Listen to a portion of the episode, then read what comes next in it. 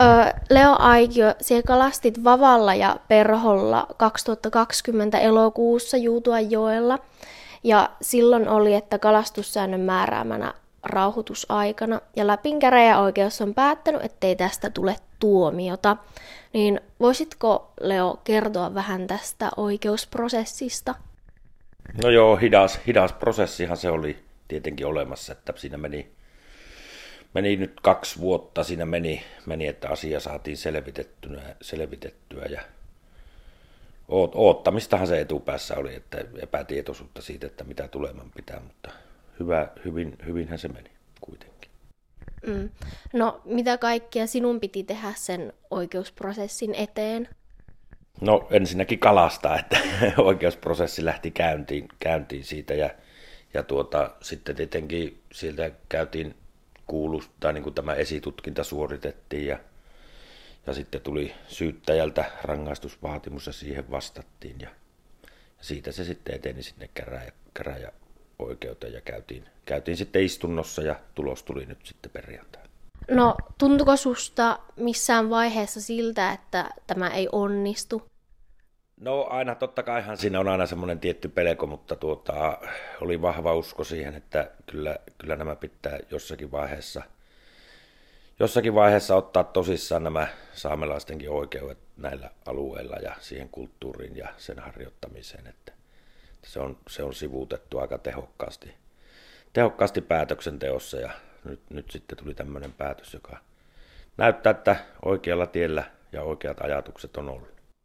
Mm.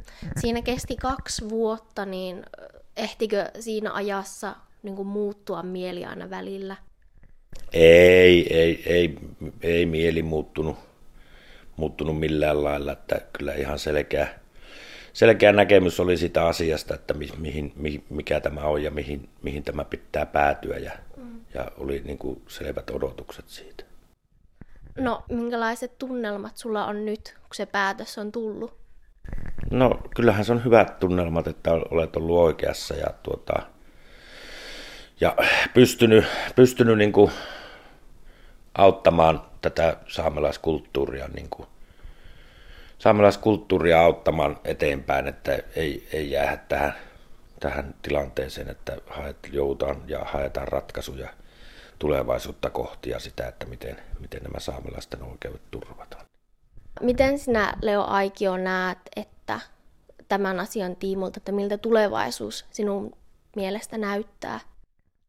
No kyllähän tulevaisuus näyttää siinä mielessä hyvältä, että tosiaankin saatiin tämä oikeuden ratkaisu nyt tästä ja päässään, päässään varmasti kehittämään, kehittämään tätä saamelaisten, saamelaisten kulttuuria jatkamaan ja, ja, tuota, ja siinä mielessä tulevaisuus näyttää hyvältä, että paljon – paljon tätä nuorta ihmistäkin on mukana näissä harrast- tai harrastuksissa, mutta harjoittamassa tätä kulttuuria ja opiskelemassa sitä, että kyllä, kyllä se hyvältä näyttää tällä hetkellä, että pystytään, pystytään nyt sitten jatkamaan sitä kulttuuria niin kuin sitä kuuluu jatkaa.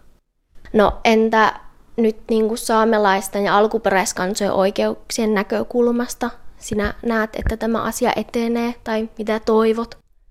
No toivon, että tosiaankin tämä asiat, asiat tästä etenee ja ja tulee, tulee, vielä, tulee vielä se päivä, että näitä oikeasti vahvistetaan ja nämä saamelaisten oikeudet tähän kieleen ja kulttuuriin ja kaikki näihin, mitä meillä kuuluu täällä elämään, niin ja turvataan sillä tavalla se jatkuminen, jatkuminen, että se olisi tosi surullista, jos se päästettäisiin sammumaan tämä kulttuuri jollakin tasolla ja vaikeutettaisiin sitä, sen, vaikeutettaisiin sitä kulttuurin harjoittamista. No päätös tästä tuli aivan vasta ja se oli puolsi sinun puolta, niin jatkuuko nyt kalastukset Juutuanjoella sinun puolesta?